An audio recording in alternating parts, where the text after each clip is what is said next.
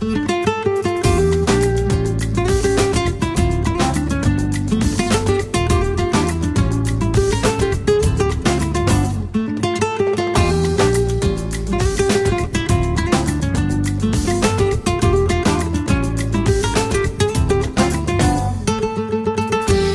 Unes eh, refrescants propostes per eh, doncs, passar una miqueta millor aquesta calor que comença just ara, just aquesta setmana. Fins ara doncs, parlàvem de propostes refrescants i gairebé el que ens havíem de posar era la jaqueta.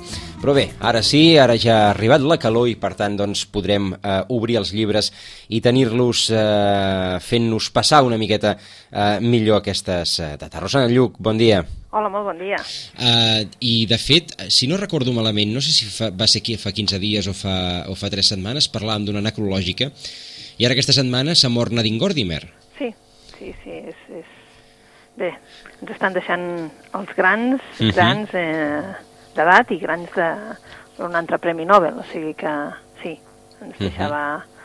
Uh -huh. eh, Anna Maria Matute, ara és una autora sud-africana, Premi Nobel, és a dir, que són eh, gent que ha publicat moltíssim, que són coneguts també a casa nostra, però potser aquesta, Nadine Gordimer, malgrat tot, malgrat ser Premi Nobel, potser no és massa, massa coneguda a casa nostra, però sí que la veritat eh, quan li van donar doncs sí que va ser doncs, allò, no? Vam tenir la sort de que de seguida se'n van publicar de llibres. Uh -huh. ah, que eh, t'ho preguntàvem també en el cas de la, de, de l'Anna Maria Matuter eh, eh, una mica es nota no? quan hi ha una notícia d'aquestes de, de gent doncs, que té curiositat per descobrir el personatge Sí, el que passa que clar, com un, la Nadine Gordimer és com si ens torna a passar el mateix, eh? Uh -huh. Sud-àfrica ens queda lluny, sembla, eh? Uh -huh. No és el mateix. En l'Anna Maria Matute encara ara, avui s'estan demanant llibres de l'Anna Maria Matute i suposo que molta gent aprofitarà aquest estiu, doncs, per fer-ho, no? Clar, potser la Nadine Gordimer ha estat tan recent que potser encara no hi ha hagut allò, saps, el temps de fer-ho, però sí que -huh.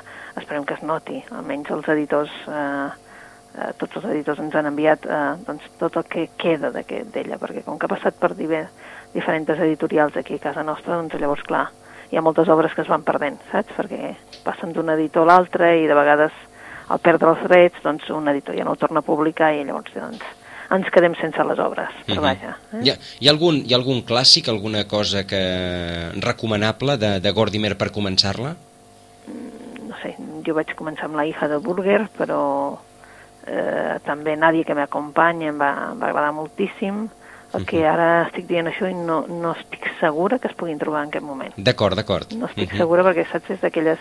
Uh, ara, darrerament, qui estava publicant uh, l'última uh, obra publicada la va fer Acantilado, eh, que uh -huh. ha publicat Mejor hoy que mañana. És a dir, que aquesta sí que segur que hi és, perquè aquesta la tenim a totes les llibreries, però, clar, aquesta és una obra com a, saps, fins i tot el preu ja, ja és més privatiu, no?, perquè val 29 euros, però uh -huh. la veritat és que sí que amb Exitus que hi havia alguna cosa i el que estem fent ara tots és recuperant, saps? És a dir, que d'aquí quatre dies hi serà ja totes les llibreries, ara potser ens trobarem doncs una mica mancats. Doncs eh, tanquem aquest eh, capítol eh, inicial de, de Nadine Gordimer i doncs ens plantem en les eh, que acostumen a ser sempre eh, en aquestes dates eh, recomanacions, com dèiem, una mica més refrescants, una mica doncs eh, més per, per passar eh, millor les hores, les hores de canícula estiuenca. Doncs mira, de fet, eh, torna haver doncs, novel·la policiaca, no? de, de fet, hi ha moltes propostes. Eh, el que s'acosta a les llibreries segurament trobarà propostes fins i tot potser no tan refrescants, però sí molt interessants, perquè parlant de l'Anna Dingorme, que deia que era una Premi Nobel, l'Alice Munro, la darrera Premi Nobel, resulta que l'editorial RBA, que tenia un fons importantíssim d'ella, de, uh -huh. com que ha perdut els drets, ha decidit rebaixar els llibres, i tenim els llibres de l'Alice la, Munro per 4,95. Uh. És a dir, que, m'entens, els llibres que valien 19 o 20 euros.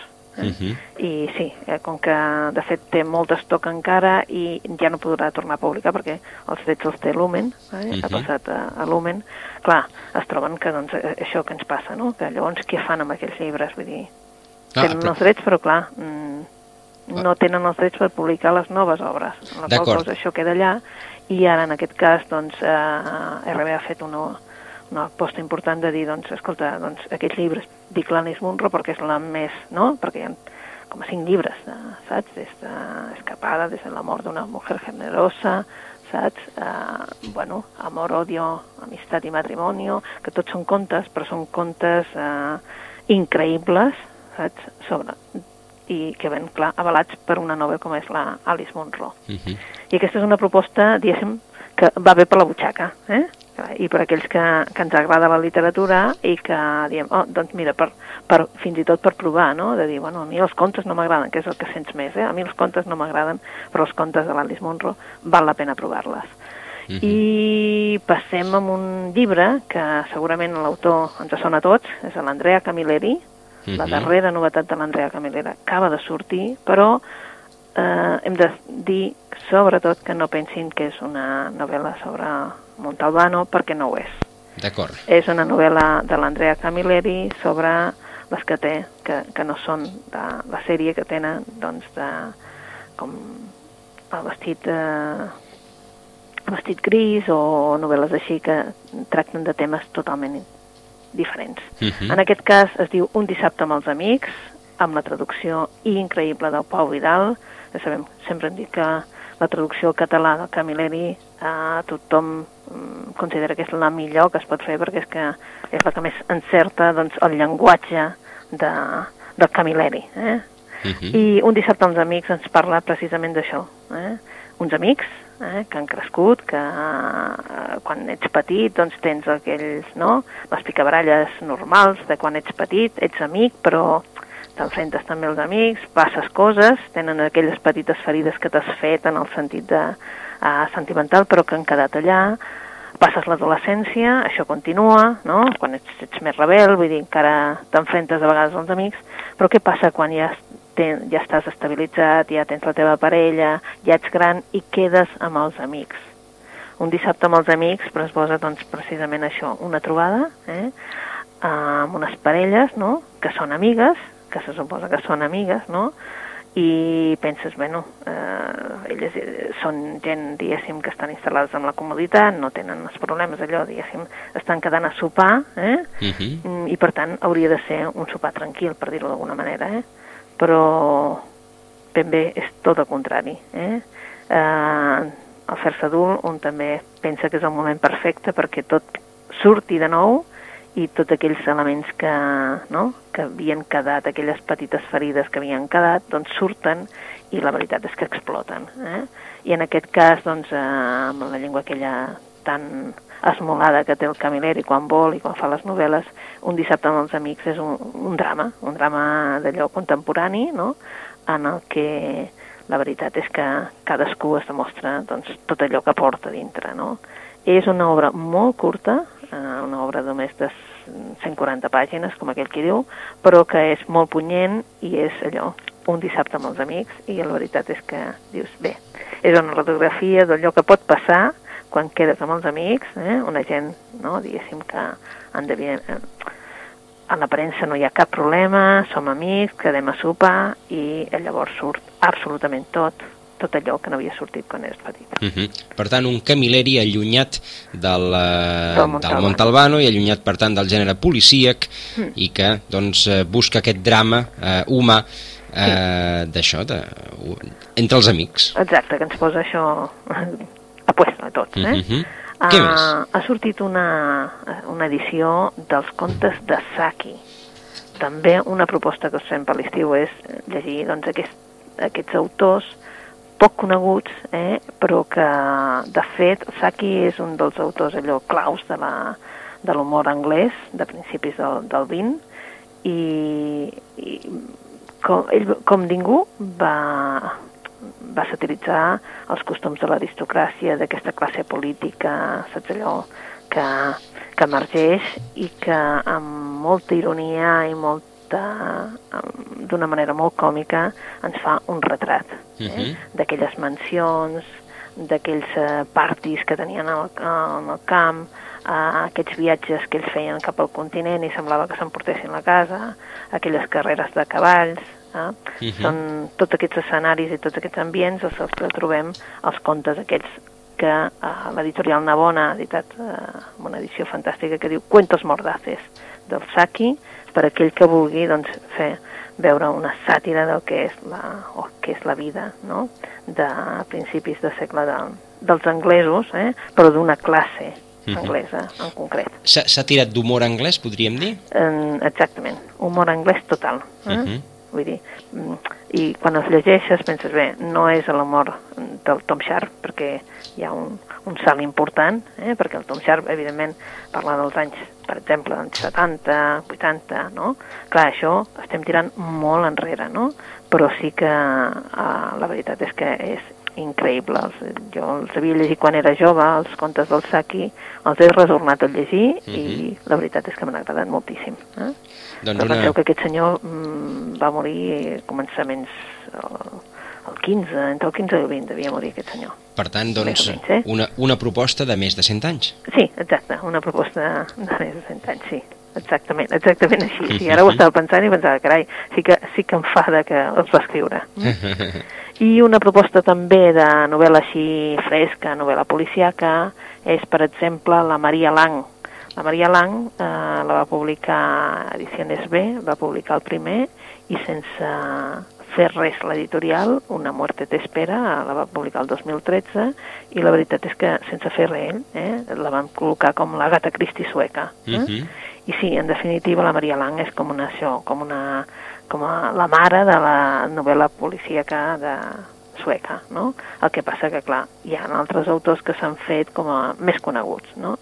I és com a ella, allà a Suècia la tenen com una de les fundadores de, de la novel·la nòrdica. Eh? Uh mhm. -huh. Ens presenta dos personatges, a, a Puck i Leiner, eh, que decideixen que s'acaben de casar i que decideixen passar les vacances, eh, diguéssim, amb el sogre, amb el pare de la Puck.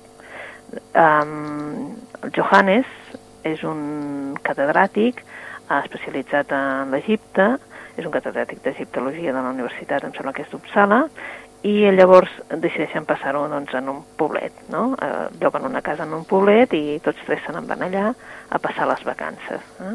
I aquell lloc tan idíl·lic, allà on havien ells de passar aquestes vacances tan, diguéssim, tan tranquil·les, el Johannes que, que s'han portat el, el gat, aquest gat que té que ell li ha posat un nom egipci, Tutmosis, eh? Uh -huh. i mhm. que, bé, que ell creu que, que té vaja, que a més a més té, té alguna més, a part de gat, és, no? com si tingués també una sabidoria també una mica tirant cap als egipcis, els gats egipcis, doncs troba en el, en el gat surt i troba en el jardí doncs, un, el cadàver d'una noia, no? el cos d'una noia, eh, i, i bueno, llavors a partir d'aquest moment la PUC comença a, a buscar en la societat de, del poblet, doncs a veure com és que en un poblet tan tranquil en, hi ha aquests, uh, aquestes persones que tenen doncs, uh, tant d'odi, tant de gels i la cruel, aquella crueltat que realment tenim en les relacions,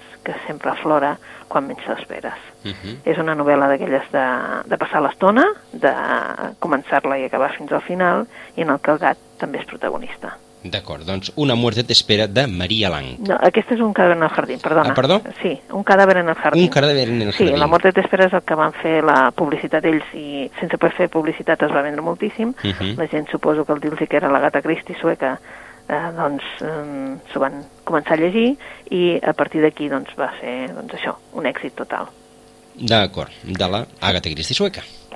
Doncs si voleu un altre tipus de propostes, eh, pensant que, que a l'estiu tothom llegeix allò, coses molt diferents, eh, acaba de sortir també, que és novetat, el Premi de Literatura Eròtica La Vall del Baida. I aquest es diu Pecata Minuta, uh mhm. -huh. Mm, de la Concha Rovira. És una obra que la veritat és que mm, són contes, eh? És una... i Pecata Minuta és una barreja, doncs, això, d'erotisme, però també de gastronomia. I com que estem a l'estiu i és un moment doncs, també no, de fer aquells àpats eh, doncs, eh, frescos i aquells àpats que fem en família o amb amics, doncs Pecata Minuta doncs, aprofita doncs, i l'editorial el treu ara i són uns contes, doncs això, eh, aprofitant doncs, tota, des del cafè, la fruita acabada de collir, o una horxata, o una mistaleta, eh, són els pretextos que serveixen a les protagonistes, que són dones, eh, a, per gaudir mm, del sexe, eh, del sexe, de, de situacions així, doncs, um, una mica doncs, d'alegria de, del cos, eh? i eh, eh, és un, doncs això, no? Des de situacions, eh, ens posa situacions així, no? Des d'anar a buscar la coca i la, la forneda, doncs que té un posat així com a, doncs, molt atractiu, amb aquell escot que, eh, que se li veu. En definitiva, són contes, contes per passar una bona estona i són novel·la eròtica molt allunyada, eh, perquè és novel·la eròtica catalana molt allunyada de Sílvia Deis i, i Grace. Eh? Uh -huh. És a dir, que és novel·la eròtica catalana, cada any publiquen aquest, aquest eh, premi uh -huh. i en aquest cas se l'han portat la Conxa Rovira. És un recull de, de, bueno, de, de històries sí, curtes, sí, oi? Sí, són, són, són tipus contes, uh -huh. eh? que, que, bueno, quan un es diu, doncs, per exemple, horxata de xufa o fruita fresca, vale? i això és el que dona peu a una situació, no?, sobre aquest tema. D'acord, títols suggerents. O, eh? uh -huh. És eh, allò que li dona peu, saps? Uh -huh. Vull dir, a fer un conte en el que la protagonista normalment és una dona i, evidentment, hi ha el sexe pel mig. Però uh -huh. també s'ha de reconèixer que hi ha alguna recepta, fins i tot, de pasta. Eh? D'acord. Vull dir que ho, ho barregem tot. Per això es diu el llibre Pecat a Minuta. Uh -huh. Doncs va, tenim temps per un, per un cinquè encara. Per un cinquè, doncs suposo que, eh, no sé si en vam parlar d'aquest llibre de les Siete Cajas, mm. és, és un llibre que se n'està parlant molt, uh -huh. se n'està parlant molt perquè és un llibre que, en definitiva, està parlant d'una història real, d'una història d'una persona que vivia a Barcelona, una persona que, la Dori, Dori Sontheimer, eh? una noia que va ser educada a Barcelona, aquesta catòlica, apostòlica i romana, no? a l'Espanya de Franco, evidentment, i que, bé, quan mora la mare i molts anys després, doncs, eh, troba en, en el hotel de casa seva, doncs, allò que fa es neteja i troba unes caixes, les set caixes aquestes famoses, eh? Uh -huh. Set caixes que li revelaran que hi ha una identitat a darrere, és a dir, que a ella, que li havien explicat una història i la realitat n'és una altra. Comença a buscar, comença a buscar les arrels i perquè es troba un passaport, es troba doncs, eh, indicis de que ella mm, no ve d'una família com li havien explicat, sinó que bé, se'n va a, a buscar aquestes arrels i, clar, fa un periple per Estats Units, per Argentina, per, per Israel, per Alemanya, per Txèquia, Bé, doncs, i segueix el rastre, segueix el rastre de tantes i tantes famílies víctimes doncs, de la matança jueva, no? Uh Mhm. -huh. I ella, ells troba que els pares de la Dori van iniciar una nova vida, es van venir cap aquí, es van inventar es van inventar realment un, una nova vida per dir que, evidentment, no tenia res a veure amb aquella que hi havia allà. És a dir, van fugir, eren, era, van fugir Uh i van renegar dels seus orígens, eren jueus, van renegar dels seus orígens, van educar la seva filla com a catòlica, la van educar aquí a Barcelona i van renegar absolutament de tot. D'acord. Les Siete Cajas, de qui és? De Dori, és que l'ha escrita ella, Dori, eh, espera, és que la, el títol de Dori és, Soncemeyer, eh? Vull dir, eh, la publica Circe Mhm. i és, saps allò, una, una portada preciosa i és Mhm. això, és la biografia de la Dori Soncemeyer que, bé, que eh, al final, després de tants anys, ha conegut el dramàtic eh, episodi que van viure la seva família. Eh? Mhm. Està ple... Són aquelles set caixes que tenia ella plena de documents, fotos, però que evidentment ella no havia vist mai. D'acord. Doncs una autobiografia, en aquest cas. Sí, Per- per... cas, una biografia, diguéssim, també, ella aprofita doncs, també per fer el re, una mica doncs, de, re, de repàs de, de tot el que els hi va passar no? a tots aquells jueus que, que, que no van renegar. I, que... dir. uh -huh. I, i, I fins a quin punt doncs, eh, el, els seus pares ho devien passar malament per, Sí. per arribar al punt de renegar. però al punt de que no li haguessin explicat mai doncs que evidentment i que l'eduquessin amb una no? I, Mhm. i fins a quin punt ells van haver de, de renegar absolutament de tot no? Sí. per poder fer que la seva, la seva filla tingués una vida normal Mhm. per dir-ho entre cometes mm? Doncs eh, les recomanacions de- d'avui de, de la Rosana, d'entrada, eh, Samor Nadine Gordimer, eh, però el que ens comentava la Rosana és, eh, hi, ha algú, hi haurà algunes, alguns títols que seran difícils de trobar, d'entrada, per tant, doncs, eh, qui, qui busqui eh, Nadine Gordimer trobarà cosa, però no trobarà tot el que vulgui. Eh, també ens recomana eh, la Rosana Alice Munro, la, la Premi Nobel d'aquest any, perquè RBA ha, ha perdut els drets, però el que ha fet ha estat rebaixar els llibres de l'Alice Munro i ara es venen a 4,95, tots els llibres eh, antics que havia publicat, com dèiem, RBA.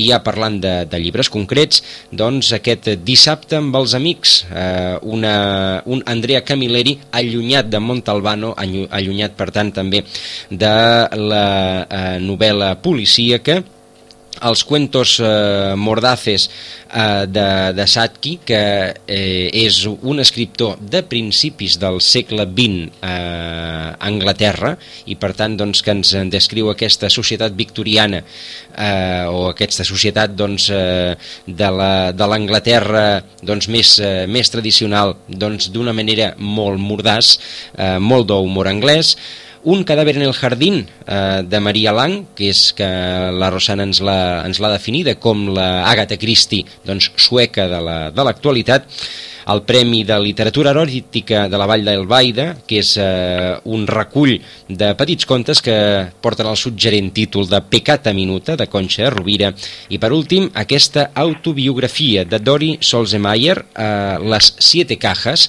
que eh, és la història real d'una persona doncs, que va acabar a Barcelona després que els seus pares reneguessin del seu passat i ni tan sols li expliquessin i ella trobés aquest passat en aquestes caixes i després doncs, decidís investigar-lo viatjant per tot arreu. Rosana, que continuem passant un, un bon estiu.